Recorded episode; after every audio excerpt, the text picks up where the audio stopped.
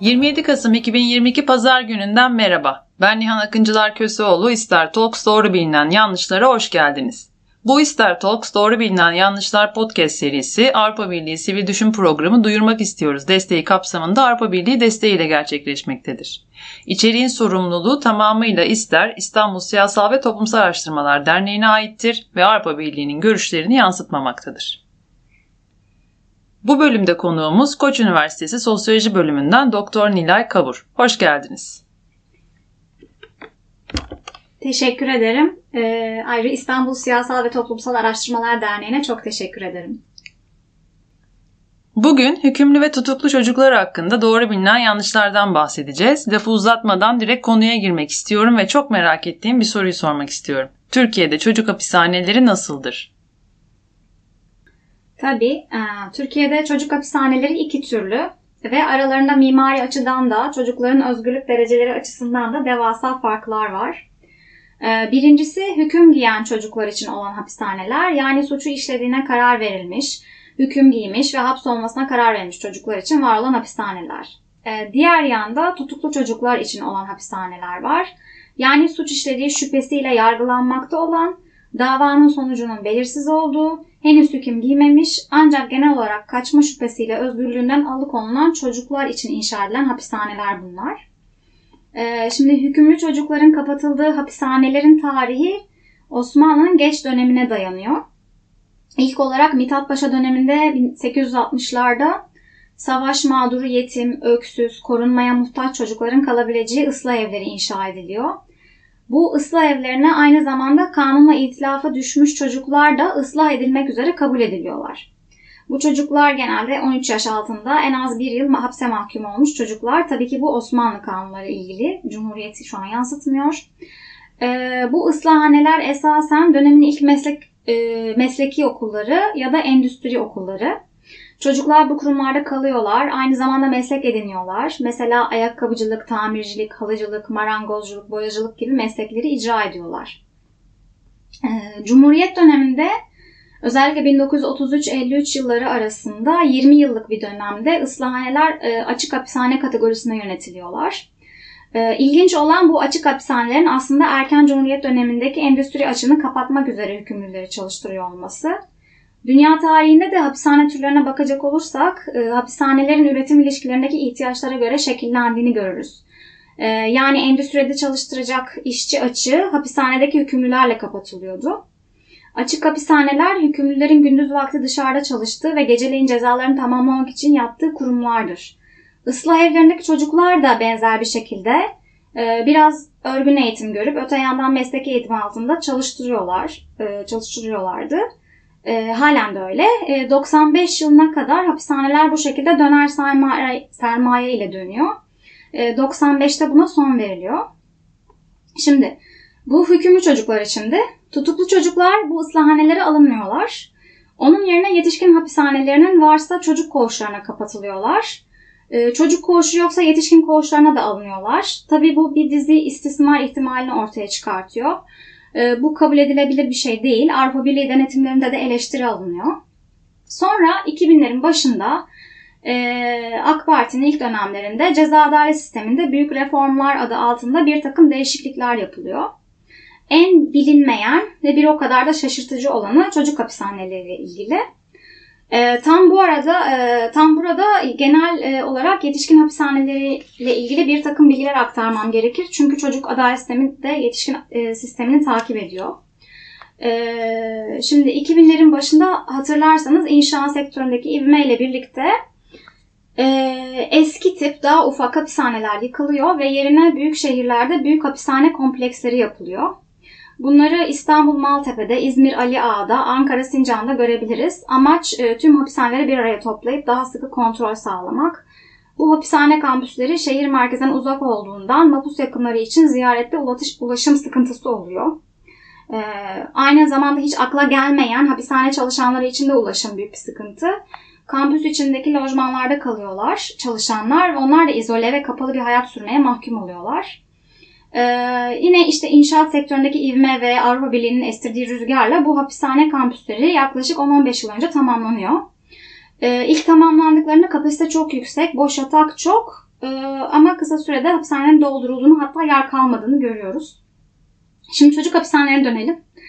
Ee, Avrupa Birliği'nden gelen uyarılara ve çeşitli insan hakları ve çocuk hakları sözleşmelerine göre çocuklar yetişkinlerle aynı hapishanede bulunmamalı.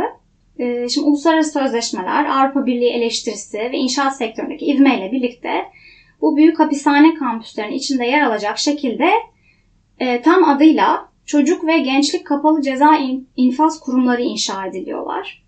E, bu kimin için? Tutuklu çocuklar için. Yani hüküm giymemiş çocuklar için bunlar inşa ediliyor. Dikkatinizi çekerim. Hüküm giymiş, e, cezası kesinleşmiş çocuklar adı sonradan 2005'te çocuk eğitim evi olarak değiştirilen ıslah evindeler. E, tutuklu yani sanık statüsündeki çocuklar ise kapalı çocuk ve gençlik ceza infaz kurumlarında tutuluyorlar.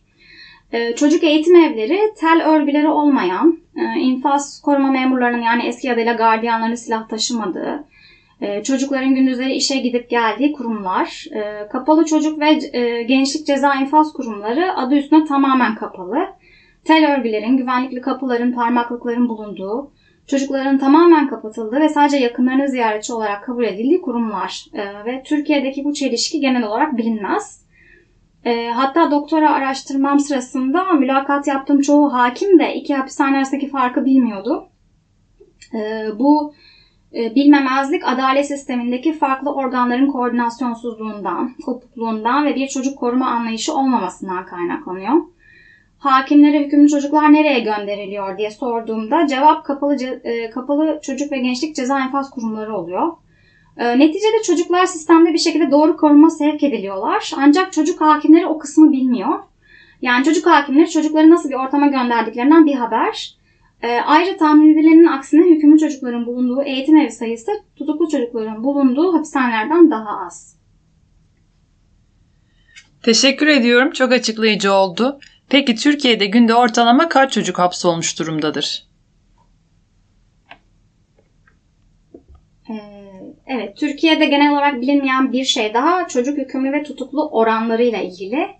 Ee, doğal olarak dünyanın her yerinde tutuklu sayısının hükümlü sayısına oranla daha düşük olması beklenir. Çünkü tutukluluk suçsuz bulunma ihtimali olan bir sanığı tedbir amaçlı kapatmak demek.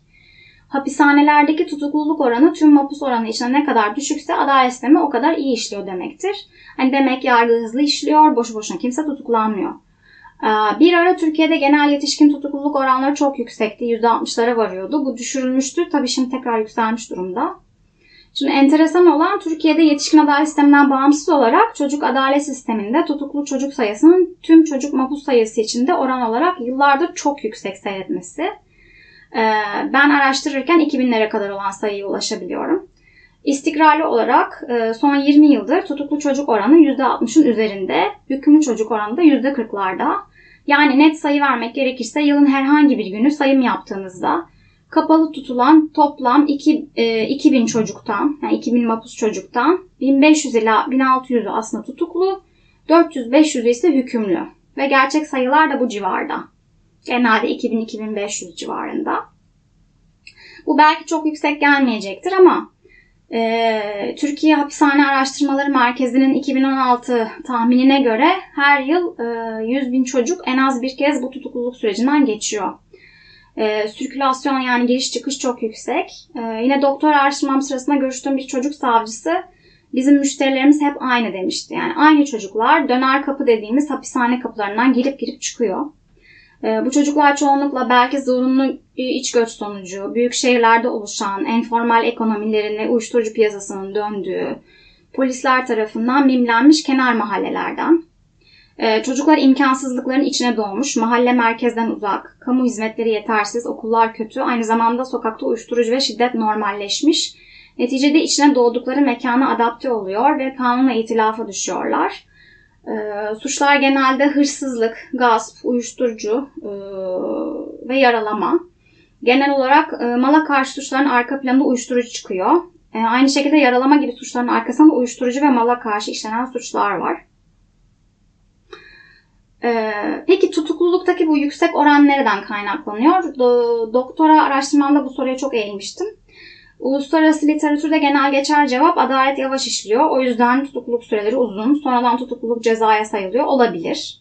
Ancak Türkiye bağlamında bu cevap yetersiz. E, tüm işleyişe bakacak olursak hem savcılar hem hakimler açısından asıl ceza çekilecek, çocuklarda şok etkisi yaratacak, e, cezanın tadına bakılacak yer olarak çocuk ve gençlik kapalı ceza infaz kurumları görülüyor.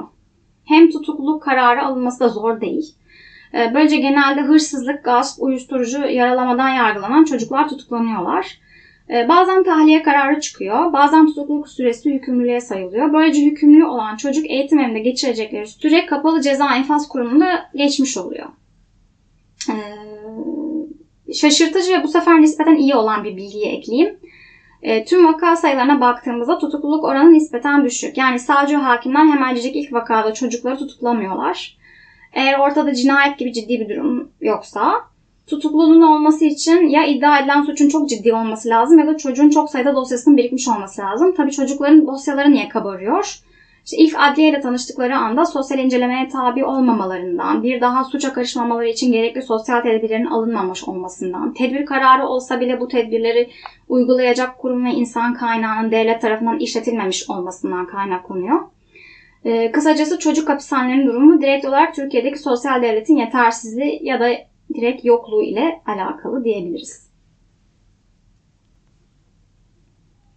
Çok teşekkür ediyorum. Peki ceza sorumluluğu kaç yaşından itibaren başlar? Ee, Türkiye'de ceza sorumluluğu yaşı 12'den başlar. Kişi 18 yaşına kadar çocuk kabul edilir. Ancak 12-15 yaş arasında ceza sorumluluğunun olup olmadığını anlaşılması için çocukla görüşme yapılır. 15-18 yaş arası ise ceza sorumluluğu var kabul edilir. E, son olarak yine bende şok etkisi yapan bir kanuni yaptırımdan söz etmek istiyorum. E, bu da çocuklar arasında yaşanan cinsel ilişkiyle ilgili. Yani bunlar cinsel istismar hatta tecavüz vakaları diye geçiyor. Ancak istismar olup olmadığı büyük bir soru işareti. E, cinsel istismar deyince e, vatandaşın aklına gelen şey tabii ki korkunç ve üzücü bir olay. Ancak o 2014-2015 yıllarında denk geldiğim davalara ve hakimlerin yorumlarına bakacak olursak aslında bu vakaların önemli bir kısmı istismar değil. Direkt rızaya dayalı ilişki. Peki nasıl yani niye aksi yönde bir karar çıkıyor? Eğer bir kız ile bir erkek çocuğu cinsel ilişki yaşıyorsa ve kız 15 yaş altında, erkek 15 yaş üstünde ise maalesef otomatik olarak kız çocuğu istismar edilmiş kabul ediliyor ve erkek çocuk tutuklanıyor. 12 yaş altında zaten e, ceza sorumluluğu yok. 12-15 yaş arası ise çocukların ceza ehliyetine bakılıyor. E, 15 yaş üstü ceza ehliyeti var kabul ediliyor. Buradan kaynaklanıyor. E, cinsel ilişki olduğu ailenin fark etmesiyle ya da gebelik varsa e, durumun hastaneye intikal etmesiyle ortaya çıkıyor ve kız ailesi şikayetçi oluyor, dava açılıyor e, yaşadıklarını en ince ayrıntısına kadar hakime anlatmak zorunda olan ve erkeğin hapsedildiği vakalarda çocuklar için cinsellik büyük bir travmaya dönüşüyor. Bu aslına bakılacak olursa mağduru korumak için çıkarılmış bir yasa. Ee, ancak kanun kitapta durduğu gibi durmuyor. Gerçek hayat bundan çok daha komplike ve yasalar yoluyla ikinci büyük mağduriyetler ve travmalar yaratıyoruz. Ee, bu da daha derin araştırılması gereken bir konu. Bugün bizlere katıldığınız ve hükümlü ve tutuklu çocuklar hakkında doğru bilinen yanlışlar konusunda bizleri aydınlattığınız için teşekkür ederiz. Çok keyifli ve bilgilendirici bir podcast yayını oldu. Dinleyicilerimize söylemek istediğiniz son bir şeyler varsa duymak isterim.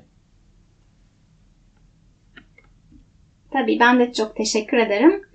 Ee, bu gayet araştırmaya açık bir konu. Konu hakkında araştırma yürütmek ve soru sormak isteyenler bana e-mail adresine ulaşabilirler. Ee, nkavur.qedu.tr ya da nilaykavur.gmail.com'a mail atarak ulaşabilirler. Kendileriyle çeşitli kaynaklar paylaşabilirim. İlginiz için teşekkür ederim.